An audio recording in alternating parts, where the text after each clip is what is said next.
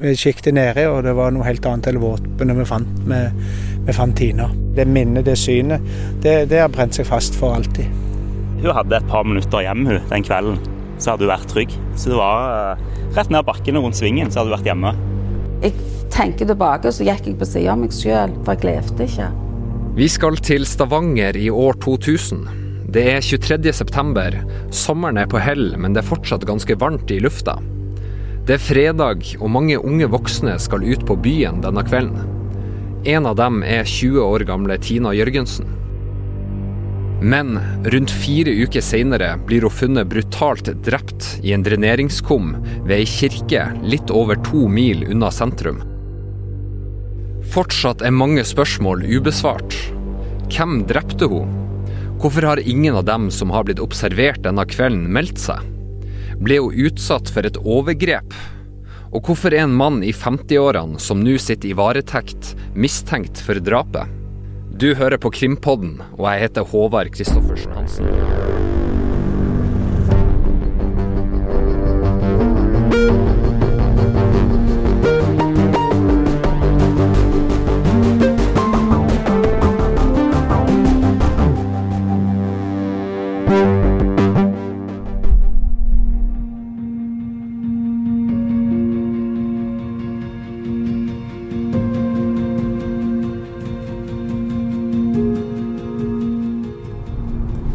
Bore kirke ligger et stykke fra Stavanger, og jeg er nå på vei utover eh, i, i retningen der. Det er eh, typisk gjærlandskap med store, grønne, frodige jorder. Det er eh, gårdsbruk, bønder som holder på med de siste gjøremålene før høsten for alvor setter inn. Og det er spredt eh, trehusbebyggelse.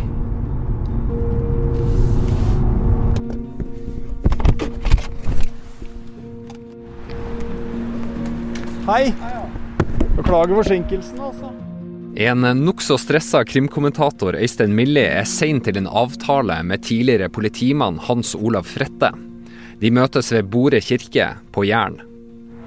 Det har vært, det har vært helt håpløst, Øystein Millie. Nei, det har vært helt øh, Ja, nei, det var kaos. Frette er tidligere hundefører ved Stavanger politikammer, og i 2000 er han allerede en erfaren politimann. I forbindelse med et ran var han ute for å lete etter et våpen i området, sammen med flere kolleger. Lette etter et ransvåpen i det berømte TS-ranet. Eh, vi gjorde et søk her hele dagen ute på denne kirkegården og, og rundt kirkegården, og var i ferd med å avslutte eh, det søket.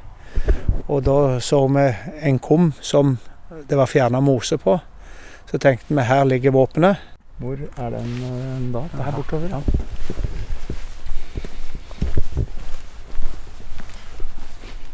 Her er det en stor parkeringsplass. Øh, I dag så er det ja, det er jo bare oss, og så er det én bil til. Var det sånn her den gangen òg, eller? Ja, Den dagen vi var her og lette, så var det bare oss som var ute med hundepatruljen og et par biler som sto her. ja. Var Det det, var helt tomt. Ja, Mm. stor, stor parkeringsplass som er helt tom. Og her ser vi da kumlokket. Ja, Det her. det her kumlokket her uh, vi fant, så vi hadde en liten debrief over dagen og hva vi hadde søkt og, og, og gjort der, når vi, når vi ser det her at det, det var fjerna mose. At den var nylig åpna, denne kummen, da, som gjorde at vi fatta mistanke om at det her er, her er våpenet. Ja, Og så har du da redskap da til å åpne kummen. Ja, ja, vi hadde ikke det. Vi prøvde først med fingrene, men det, det var for tungt. Så, så vi gikk bort og så i bilene våre. Der hadde vi heller ikke noe. Så vi, vi gikk bort i Kirkevergen sitt eh, verksted der borte, og der fant vi ei hakke som vi brukte og, og fikk vippet opp da, og, og brukte hendene når vi fikk, fikk fingrene under. De klarer så å åpne kumlokket, og dette øyeblikket kommer han aldri til å glemme.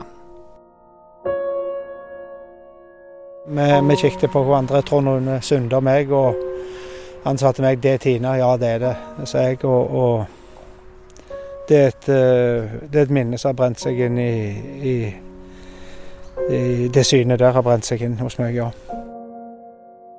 Personen vi finner nede i kummen, er altså 20 år gamle Tina Jørgensen. Hun har vært savna siden 24.9, og nå er vi altså kommet til 26.10. Her nede har hun ligget lenge. De skjønner raskt at det er snakk om et drap. Nei, det, det Vi var ikke forberedt på at det var det vi lette etter. Når du er ute og leter etter f.eks. har vært på forskjellige søk og du er ute og leter personer, så er du mentalt innstilt på det. Eh, nå var vi ikke det. Vi visste, vi visste jo det at eh, så lenge vi var bombesikre på at det var Tina vi så, mm. så skjønte vi at det var hun var tatt av dage. Og både Trond Rune og meg hadde jo vært og, og lete etter hun i forskjellige områder, bl.a. på på Grasholmen og andre plasser. Men dette jo, funnet ble jo gjort eh, en god måned etterpå her. Så, så vi hadde avslutta det søket. Men vi hadde jo vært med på det. Mm. Hele landet stiller seg spørsmålet hvem i alle dager er det som har tatt livet av 20 år gamle Tina, og hvorfor? Vi må tilbake til denne fredagskvelden da livet til alle rundt henne ble totalt forandra, og da hennes liv brått og brutalt ble revet bort drept, mest sannsynlig under bybrua i Stavanger.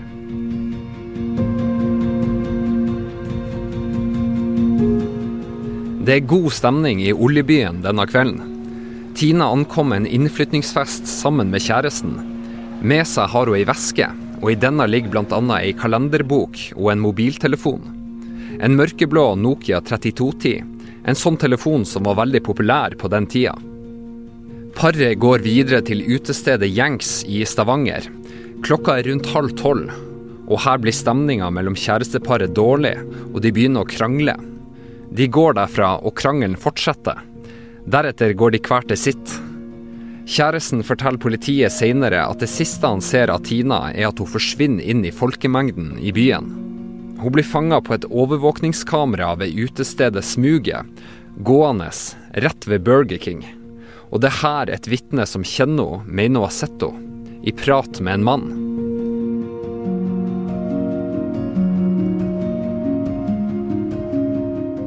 Krimkommentator Øystein Milli er i Stavanger.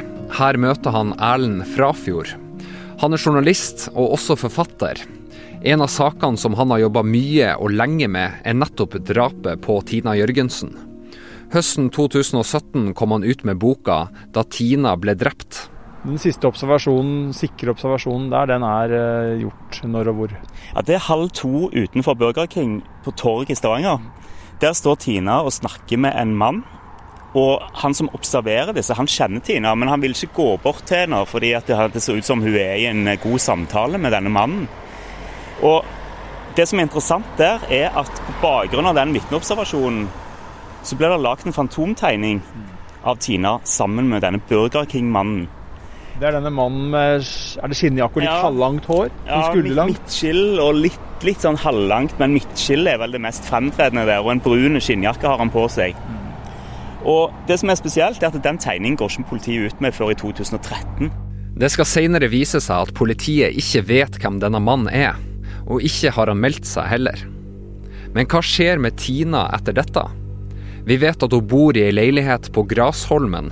Det er ei lita øy som forbindes med fastlandet via ei bru, den såkalte Bybrua. På dette tidspunktet er det mange utleieleiligheter, så forholdet og kontakten mellom naboene er ikke så lett å få oversikt over. Fra sentrum tar det mellom 30 og 40 minutter å gå hjem. Ingen vet hvordan rute hun velger. Erlend Frafjord og Øystein er ved brua, der det mest sannsynlig er Tina som blir observert. Ja, Det er et par observasjoner på brua her. Eh, folk som kjører i retning mot Stavanger sentrum, som ser en jente med lyst hår som småløper over brua med skoene sine i hånda.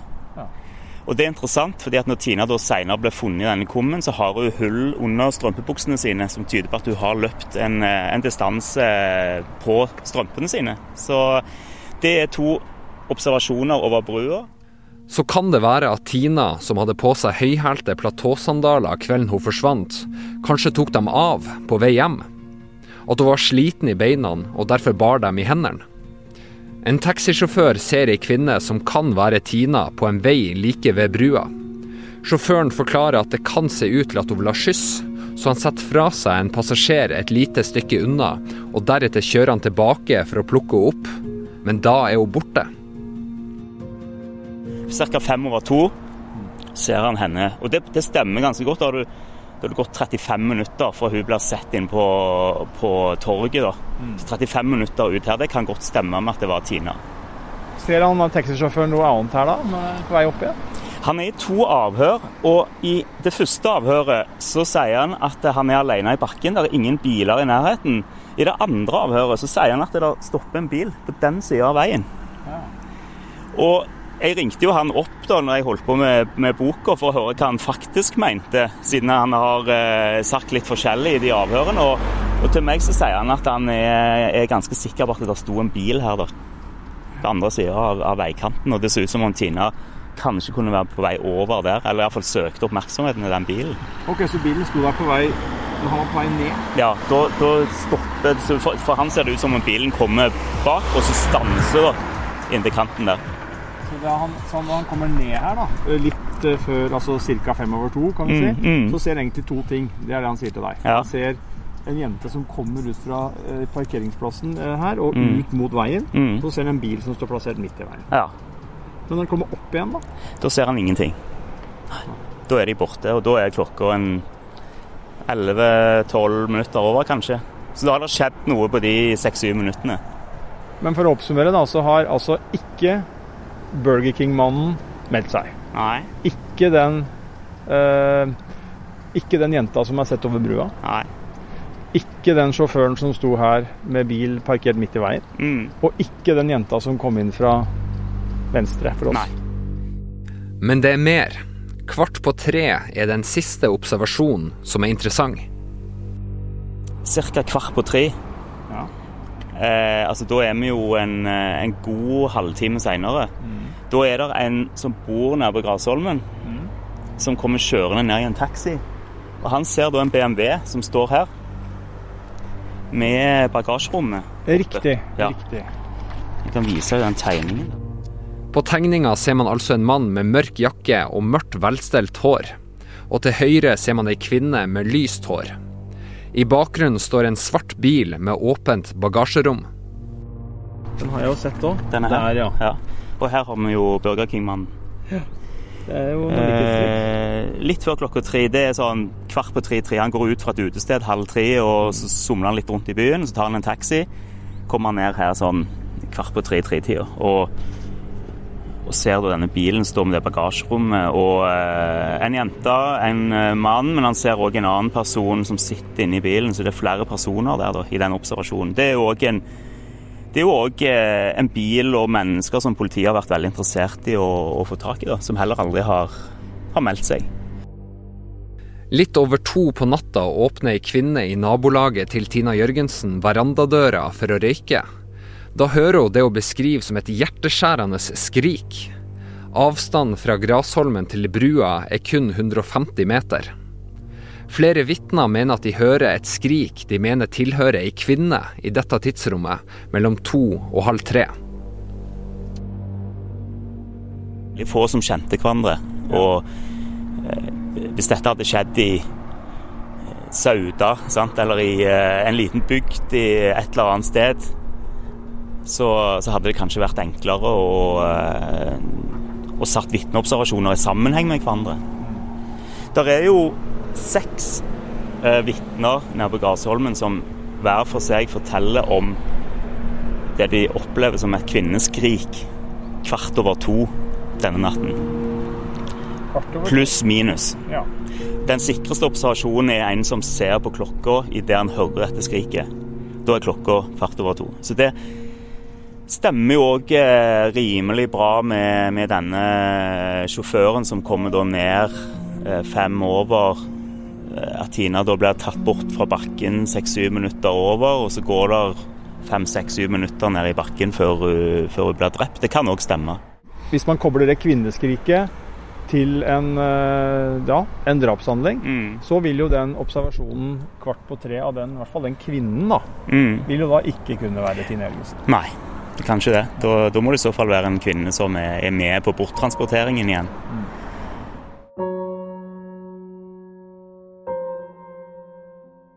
Neste dag våkner Tinas kjæreste opp. Han ringer henne, men ingen svarer. Det er ulikt henne, og verken familie eller venner har hørt noe fra henne. Han ringer politiet på ettermiddagen, og to dager seinere går mora hennes ut med ei etterlysning. På hele framsida av Rogalands Avis tirsdag 26.9 kan man se et bilde av Tina. Med et lunt smil om munnen. Det lyse håret er trukket bakover. Det er et portrettbilde, og man kan også se at hun har en mørk genser trukken over ei hvit skjorte. Bildet er det samme som senere skal bli brukt om igjen og om igjen i avisene og i TV-kanalene. VG gjorde i 2015 et intervju med mora til Tina Jørgensen, Torunn Austdal Rasmussen. Hun forteller om tida før dattera ble funnet. Jeg var helt apatisk. Du gikk, jeg var ute og lekte hver dag sjøl i fire uker. Og når jeg tenker tilbake på, på hvordan jeg gikk i skog og mark og alle liksom helt ulogiske plasser, men jeg gikk og, lufta til og med på kummalokk.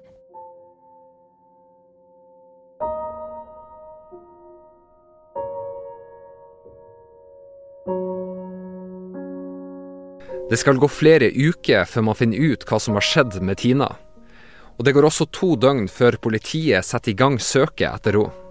I de to døgnene har familie og venner allerede lett.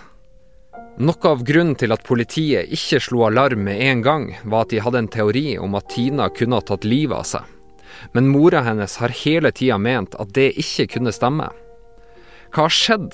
Hvorfor gir hun ikke noe lyd fra seg? Det er jo helt ulikt henne. Jeg tenker tilbake, så gikk jeg på sida av meg sjøl, for jeg levde ikke.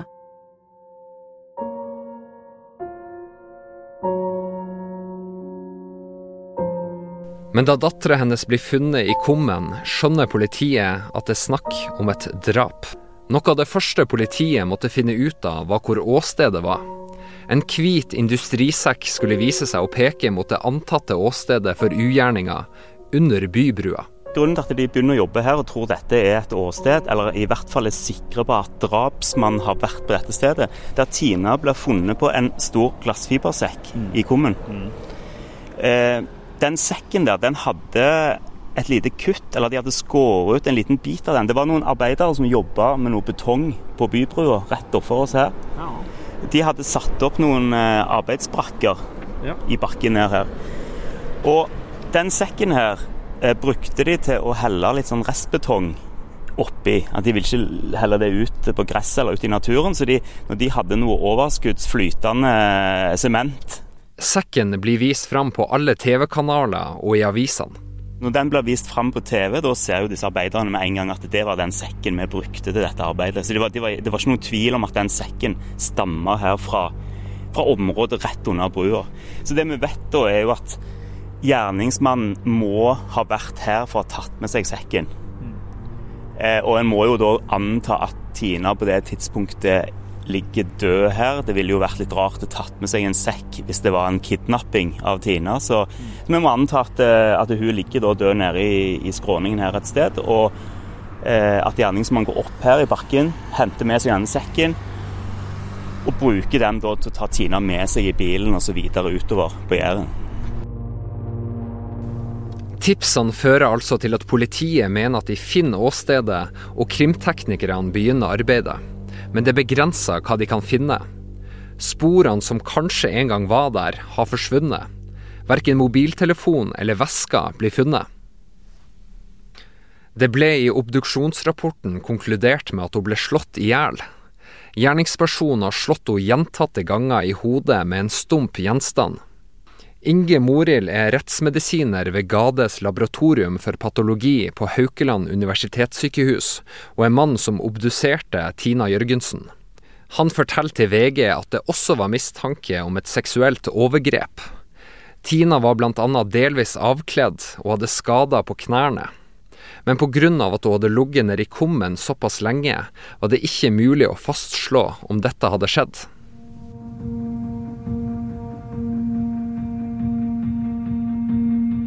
Og så må vi snakke litt om eh, kjæresten til eh, Tina Jørgensen. For han ble jo pågrepet og sikta for drapet eh, høsten 2001, altså ett år etter drapet. Hva var det som gjorde at eh, de valgte å sikte han? Nei, det er nok sånn at eh, hvis du særlig er mann uh, og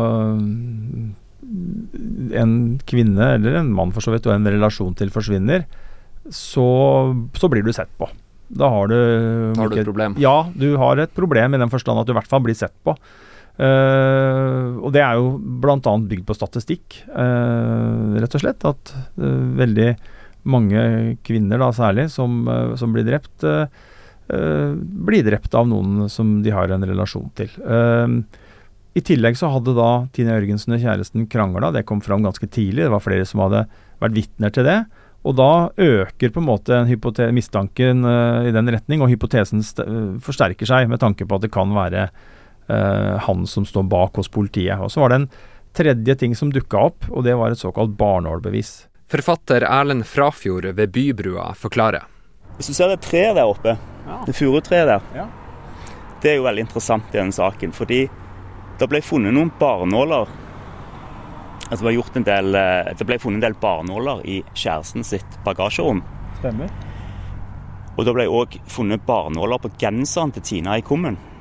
Ja. Og en analyse som ble gjort eh, av Planteforsk våren 2001, den konkluderte først med at det var 99 sannsynlighet for at det var en match mellom barnålene fra det treet, fra bagasjerommet til kjæresten og Tinas genser.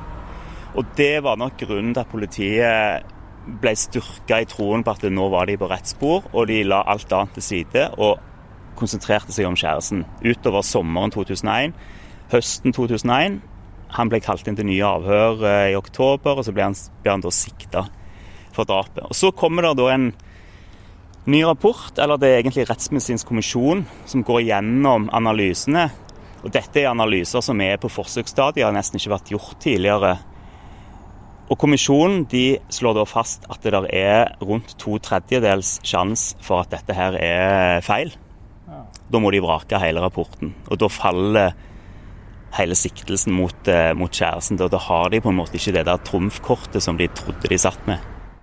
Kjæresten satt i varetekt i to måneder. Og etter hvert så ble jo da saken vurdert av både statsadvokat og riksadvokat. og jeg veit ikke om politiet var helt enig i de vurderingene, men, eh, men uh, Riksadvokaten var, i hvert fall veldig tydelig og, og henla da saken mot uh, denne kjæresten i desember 2002. Mm. Men likevel så har han da blitt pågrepet og sikta, og i forrige episode så snakka vi jo en del om hvordan uh, konsekvenser politiet sitt arbeid har fått for fetteren og hans familie i uh, Birgitte Tengs-saken. Vet vi eh, hvordan det har gått med denne mannen som var kjæresten til eh, Tine Jørgensen? Han fikk jo en oppreisning, eh, eller en erstatning, på, på 200 000 kroner for disse to måneder i varetekt og, og for å ha blitt straffeforfulgt på uriktig grunnlag. da. Men det er noe, penger er nå én ting. Det andre det er noe helt annet å gå med det mistenkt-stempelet som blir hengende ved deg, kanskje. da. Og det har jo også vært gjeldende for han. Han har starta et nytt liv. og han har jo gjort det i Norge, som, i motsetning til fetteren i, i Birgitte Tengs-saken. Men det er klart, i en sånn situasjon da, så er det flere ting som er vanskelig. og Det første er jo at du i det hele tatt blir eh, anklaga og varetektsfengsla for noe som det da viser seg at du ikke har gjort, eller i hvert fall ikke kan dømmes for, og, og ikke kan bevises at du har gjort, for å bruke jussens språk. Um, og så er det det, og det er jo én ting, belastninga du får ved å gjøre det. Det er en, en nærstående uh, som du blir beskyldt for å ha tatt livet av. Uh, du har sorgen uh, ved siden av, og, og, og, så får du da som sagt denne fokuset mot deg og en, og en, en, en straffeforfølgning. Og så er det en ting til, ikke sant, og det er at det, når det da ikke blir tatt noen andre, mm. så er det jo sånn at mistanken fort blir hengende ved deg. Og som vi har vært inne på her i Krimpodden mange ganger, så er det jo stor forskjell på å få såkalt skjellegrunn til mistanke, som jo er kravet for å få varetektsfengsla noen, og som jo var det politiet måtte bevise overfor denne kjæresten da han ble tatt. Ikke sant? Og så er det helt noe annet å komme opp til en dom som ligger altså Skjellegrunn til mistanke ligger på 51% en dom ligger på 90% 95 eh, pluss kanskje også. Og Det betyr jo at du kan jo komme i en situasjon hvor politiet ikke kommer Selv om du Nå snakker vi jo generelt, da. Men selv om en en, en, kvinne, da, for å bruke det eksempelet, har begått en straffbar handling, og er, du får skjellig grunn til mistanke, men du klarer aldri å bevise at hun faktisk gjorde det for å få en dom, så vil jo saken bli henlagt. Og da har hun jo gjort det, og, og, men går fri. Og det er jo denne tankegangen som folk bruker da, ikke sant. At mm. ja, det kan jo hende at han har gjort det likevel, og politiet hadde kanskje ikke gode nok bevis, og så blir du gående da med en eh, mistanke over deg. Så for han så er jo det at det nå, selv om det bare anførselstegn, er en mistanke mot en annen mann, så tenker jeg at det er veldig viktig for denne kjæresten at det nå kommer at politiet peker på en annen mulig gjerningsmann. Akkurat som det er for fetteren til Birgitte Tengs. At det er viktig for han at politiet peker en annen vei. Så er det også viktig for kjæresten til Tina Jørgensen at politiet nå peker mot en annen, selv om det er på et eh, lavere og tynnere grunnlag enn i Tengs-saken. Mm, for nettopp det du sier med at det er ingen gjerningsperson som har blitt dømt for dette, så, så sier jo eh, kjæresten sin forsvarer Atle Hellesen at det er fortsatt mange som tror at han står bak, selv den dag i dag. Så det er jo åpenbart ei, ei påkjenning. Det er mange ubesvarte spørsmål i denne drapssaken. Blant annet hvem var mannen ved Burger King? Hvem var de som sto med den mørke bilen med det åpne bagasjerommet? Og ikke minst, hvem står bak drapet? Ingen har vært tiltalt i denne saken, men hele fem personer har vært sikta. Vi skal nå fortelle deg om fire personer som ble sikta i saken. Det begynte med et lydopptak. Det var jo eh, i 2015 at eh, en eh, barndomskamerat av Tina i Lyngdal der Tina og familien ferierte om sommeren. Han sitter sammen med en kamerat og drikker. Og i løpet av denne kvelden og natten så begynner han å snakke om at han var her, på det stedet vi står nå, sammen med en annen kamerat fra Lyngdal og Tina, som de hadde truffet inne i byen. Og Han forteller at det utspiller seg et drama eh, mellom de tre. Eh, et sjalusidrama mellom de to mennene som ender med at kameraten hans slår Tina i hjel mens han står og ser på. Dette blir tatt opp av han Aneos. Og for å si det sånn, i løpet av, noen dager så, så får politiet kjennskap til dette, og, eh, og det blir jo et uh, voldsomt sirkus. Han forteller jo òg at han har med seg to andre kamerater til Stavanger denne helgen som kommer ned i bakken her og plukker opp da den avdøde Tina, og, eller plukker opp den drepte Tina. Og eh, det er altså fire menn her som blir varetektsfengsla i en måned. Men politiet konkluderer med at de, de, finner ingen belegg for at noen av disse var i Stavanger denne helgen, og de tror at dette her er en, eh, en falsk tilståelse. Mannen trekker altså inn tre personer, men politiet finner ikke grunn til å tro på det han forteller. Alle blir sjekka ut av saken. Altså, de har jo mobildata for denne helgen på veldig mange basestasjoner. og Det er ingenting som tyder på at noen av disse har brukt noen mobiltelefon i Stavanger. Og det er jo heller ingen andre observasjoner om at disse har vært i Stavanger. Uh, man mistenkte jo at det kunne være falske minner, og så kom det en rapport som, uh, som vel slo fast det. Så, så da ble den henlagt. Og Eh, den ble henlagt som intet straffbart forhold anses bevist, og det er litt interessant, fordi at ofte bruker man henleggelseskoden bevisets stilling, og det betyr at man i utgangspunktet ikke kan bevise, altså beviset er for dårlig, bevisets stilling tilsier ikke at du, kan, eh, at du, at du skal dømme, mens intet straffbart forhold anses bevist er jo et litt sånn tydelig avtrykk på at dette dette var en dette, det, det, er ikke, det, er ikke, dem. Det, er et frikjent stempel, altså? Et ja. veldig tydelig frikjent stempel. Ja, ja. Det er snart gått 21 år siden Tina ble drept, og nå er en mann i 50-årene mistenkt for drapet og sikta for drapet på Birgitte Tengs på Karmøy. Mannen hevder han er uskyldig og nekter i hver befatning med begge sakene. Hva vet vi om eh, denne mannen her? Først og fremst så har det kommet frem nå siste uka uh, mange opplysninger som tydelig tegner et bilde av en mann som er en klassisk moduskandidat. Han har eh, en rekke forhold på seg. Noen, uh, en del er han dømt for, og noen har av ulike grunner ikke kommet så langt. Men han har jo uh, vært utagerende mot kvinner. Og det er en seksuell undertone, eller en tydelig seksuell si overtone, i, i, mye av det han har gjort. Så han, han, han, tikker inn på det som politiet ofte ser på, nemlig eh, modus, moduskandidat, at du er i stand til å kunne gjøre noe sånt, Mm. og har historikk som tilsier at du er det. Og så vet man jo faktisk da at han var i Stavanger den kvelden, eller den helga, som uh, Tine Jørgensen forsvant. Ja, hva var det han gjorde i Stavanger, da? Han var i Stavanger fordi han, i utgangspunktet da, for han bor jo ikke der eh, fast, eller har aldri gjort det, men han var der eh, på besøk hos en slektning og hjalp vedkommende med noe praktisk knytta til en leilighet eller et hus. Eh, og så, på kveld og natt denne helga, så sier han at han kjørte rundt i Stavanger eh, uten eh, mål og mening. Eh, det er jo kjent for så vidt fortsatt, og det at en del eh, Kanskje gjerne unge menn eh, gjør det. Kjører rundt i bil. eh, Loda eller Råna, som ja, det heter. ja, Mm. kikker seg rundt og ser om han eh, treffer noen og ja, prater med, eller hva det måtte være. Og det er vel det han har forklart om det. Eh, og så vet vi jo at han enten den kvelden eh, Tina Jørgensen forsvant, eller kvelden eh, den før, så krasja han med en drosje i Musegata i Stavanger sentrum. Og det er litt spesielt, fordi at denne taxisjåføren, han eh, reagerte på denne mannen han krasja med, at han var veldig stressa og svetta. Ja, selv etter at han hadde krasja, så har han i avhør forklart at han var liksom i overkant nervøs og stressa. Ja. Og så er det jo en skjellsettende opplevelse å kollidere med bil, så det kan være at det er det som er grunnen. Men det var i hvert fall såpass at denne taxisjåføren uh, ja, fant det, som du sier Håvard, litt påfallende. Men ø, det er jo uh, umulig å si om dette har noe sammenheng med det han nå da er mistenkt for, nemlig drapet på Tine Jørgensen. Og så er det jo sånn at Politiet er jo ikke nødt til å være åpen om hvem de mistenker i ulike straffesaker. Eh, Hvorfor har de da valgt å gå ut med at de mistenker denne mannen i 50-årene i Tina Jørgensen-saken?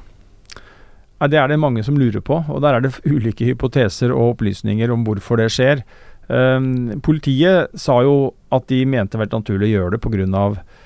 Uh, at de ikke tror det er mulig å holde det skjult, og det var ikke noen grunn til å holde det skjult. Og det er for så vidt en god tanke, at man er åpen om det som eh, er situasjonen. Um, og så er det, hva kan vi kalle det, noen journalister og andre som følger saken tett, som uh, spør seg om politiet har en si, agenda, ser en mulig Har en fortjeneste av, en etterforskningsmessig gevinst av at dette er kjent. Eh, det kan være så enkelt som om man får flere opplysninger, og vitner melder seg osv. Ja, for da kan du få tips fra Stavanger, f.eks.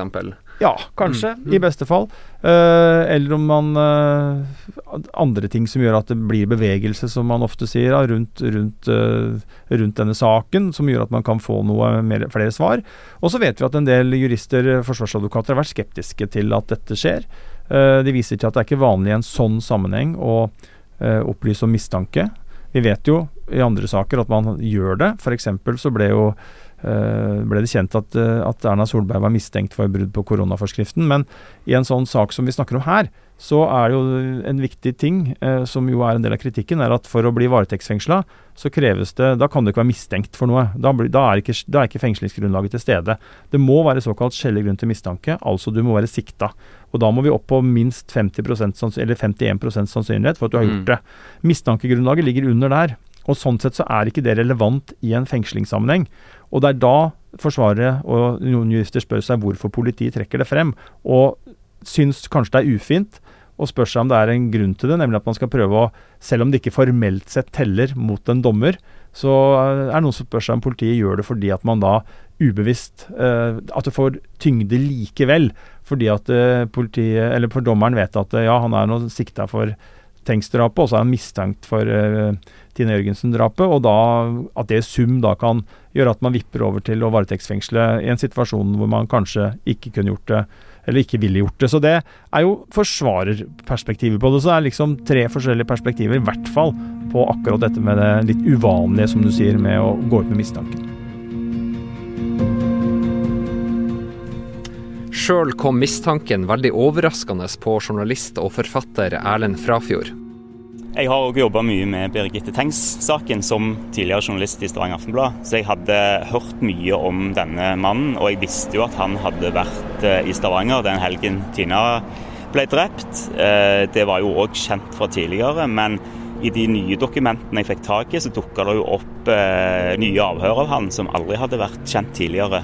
de har jo vært mye ute i media nå de siste dagene, hvor han blir spurt om hva han gjør i Stavanger den helgen. Men jeg hoppa skikkelig i stolen da jeg eh, hørte òg at de eh, leste opp et mistankegrunnlag i Tina-saken på den samme personen. Da skjønte jeg jo med en gang hvem dette måtte være. Og, eh, og da tenkte jeg litt sånn Det er nesten utrolig. Altså, var det virkelig han, altså? Var det virkelig han? Men det er langt fram, da for politiet, og særlig i Tina-saken. Det er nok et stykke fram i Birgitte-saken, men i Tina så er det, det er mistanke. De har ikke noe DNA. Eh, vi vet jo per i dag ikke hva de sitter med. Jeg vil jo tro de sitter med noe mobildata som knytter mot dette området, og eller Bore kirke, hvor Tina blir funnet. Hvis de ikke har det, da skjønner, jeg, da skjønner jeg ikke hva de har, og da skjønner jeg ikke hvordan de kan eh, hevde et mistankegrunnlag mot, eh, mot ham. Man kan jo tenke seg at i en sånn her type sak så vil det være tekniske bevis og beslag og ja, som etterforskerne uh, nå i denne cold case-gruppa kunne se nærmere på. Men sånn er det jo ikke i denne saken. Her har jo rett og slett mye blitt kasta. Ja, utrolig nok så har eh, det skjedd. Og det har jo vært kjent en stund at det har skjedd. Men det er klart at når man nå står der og saken er kall det varm igjen, i form av at man har en mistenkt, så så blir det jo Det er jo da det å si, hadde vært veldig viktig å ha alle mulige bevis, både for å kunne sjekke han inn og ut av saken. Men uh, det er nesten ikke til å tro, da, men det er faktisk ikke uvanlig. Og det er, en, uh, det er ikke noe regelverk og det er ikke noe rutiner for å lagre beslaglagte fysiske gjenstander, altså saksdokumentene og sånn, de blir jo der. Men de fysiske bevisene, de må ikke være der. Og jeg har jo vært borte i eh, Orderud-saken, som du vet, uh, Håvard. Og der var det jo sånn at uh, han som uh, den lokale etterforskningslederen, Tore Kampen, fortalte meg jo når vi kom ned i bevislageret og skulle gjøre opptak til TV-serien, og jeg fikk se på sokken, og jeg fikk se på parketten fra kårboligen, og jeg fikk se på denne beholderen fra gassattentatet, så skulle jo det nødvendigvis ikke ha vært der. Det var noe han hadde kjempa igjennom og sagt at vi kan ikke kaste dette her, vi må ta vare på det, og fått gjennomslag for det. Men, men, men hvorfor er det sånn? Altså, det her er jo potensielt svært viktige eller essensielle eh, bevis. Eh, hvorfor, i, i, så alvorlige saker, hvorfor blir det destruert? Ja, Om det har med kapasitet å gjøre, eh, eller hva det er, det veit jeg ikke. Og det må man jo ta en gjennomgang på, syns jeg, da. Eh, og endre denne praksisen. Men men uh, det kan hende det er plass, det kan hende det er personelltankegang. Uh, men det handler jo da om saker som på en måte er avgjort, ikke sant. Og uh, Orderud-saken er i politiets øyne avgjort, i den forstand at det foreligger uh, rettskraftige dommer. Tina Jørgensens drapet, så var det da henlagt en sak, en siktelse, mot kjæresten. Men, men det er jo litt rart å tenke at den da er uh, avslutta, fordi at han han ble jo ikke tiltalt, og da er jo ikke saken på altså Man kan jo godt diskutere om Orderud-saken er løst, men uh, Tine Jørgensen-saken uh, Så vil jo ikke jeg mene at den er det, men, men Tine Jørgensen-saken er jo i hvert fall ikke løst, mm. all den tid den mannen som de da den gangen sikta, ble, ikke, ble, ikke ble dømt og ikke tiltalt. Så jeg syns det er veldig rart. Politiet i Sør-Vest sier til VG at de ikke har hatt gode nok rutiner for oppbevaring og håndtering av bevismateriale.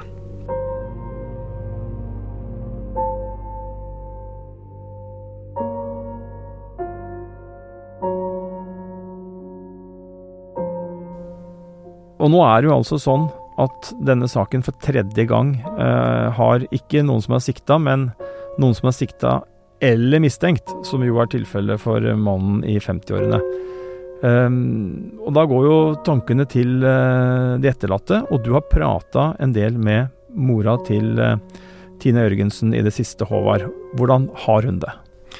Ja, jeg har prata litt med Torunn gjennom den siste uka. Hun er jo ei, ei veldig hyggelig dame, og hun sier jo det at hun tør jo ikke eh, være for optimistisk selv etter denne utviklinga, nettopp pga. at det har vært så mange runder, ikke sant. Og hun sier jo at det har vært så mange skuffelser gjennom årene. Eh, og så er hun veldig opptatt av familiene på Karmøy, da, og hun håper jo da at i alle fall at de vil få noen svar.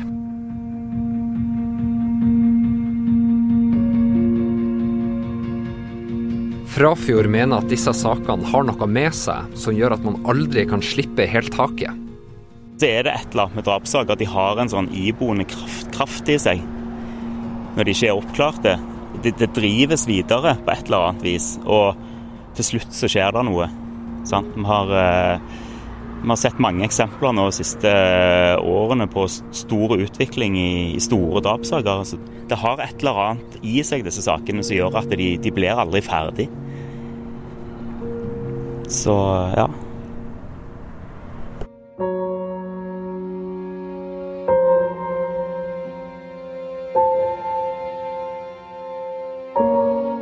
Vi skal tilbake til intervjuet med Torunn, mora til Tina Jørgensen, som ble gjort vinteren 2015.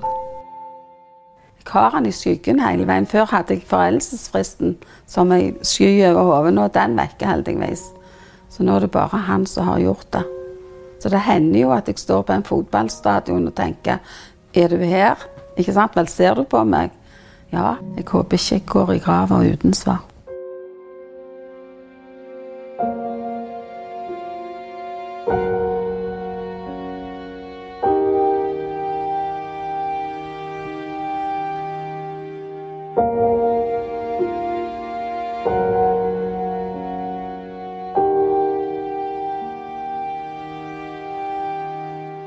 Neste uke er vi tilbake med en ny episode. Produsent for Krimpodden er Vilde Worren. Øystein Milli var som vanlig med, og har gjort flere av intervjuene i episoden. Mitt navn er Håvard Christoffersen Hansen. Gordon Andersen, Ingrid Bergo, Selma Heiberg Hellstrand, Hanna Haug Røseth, Kristina Kvist, Ådne Husby Sandnes, Morten S. Hopperstad, Ola Haram og Markus Tobiassen har bidratt med journalistikken i denne episoden. Gi oss gjerne ei tilbakemelding på krimpodden at vg.no, eller bli med i gruppa vår på Facebook. Vi setter pris på alle meldinger og forsøker å svare på alt, men det kan gjerne ta litt tid. Vi høres neste uke.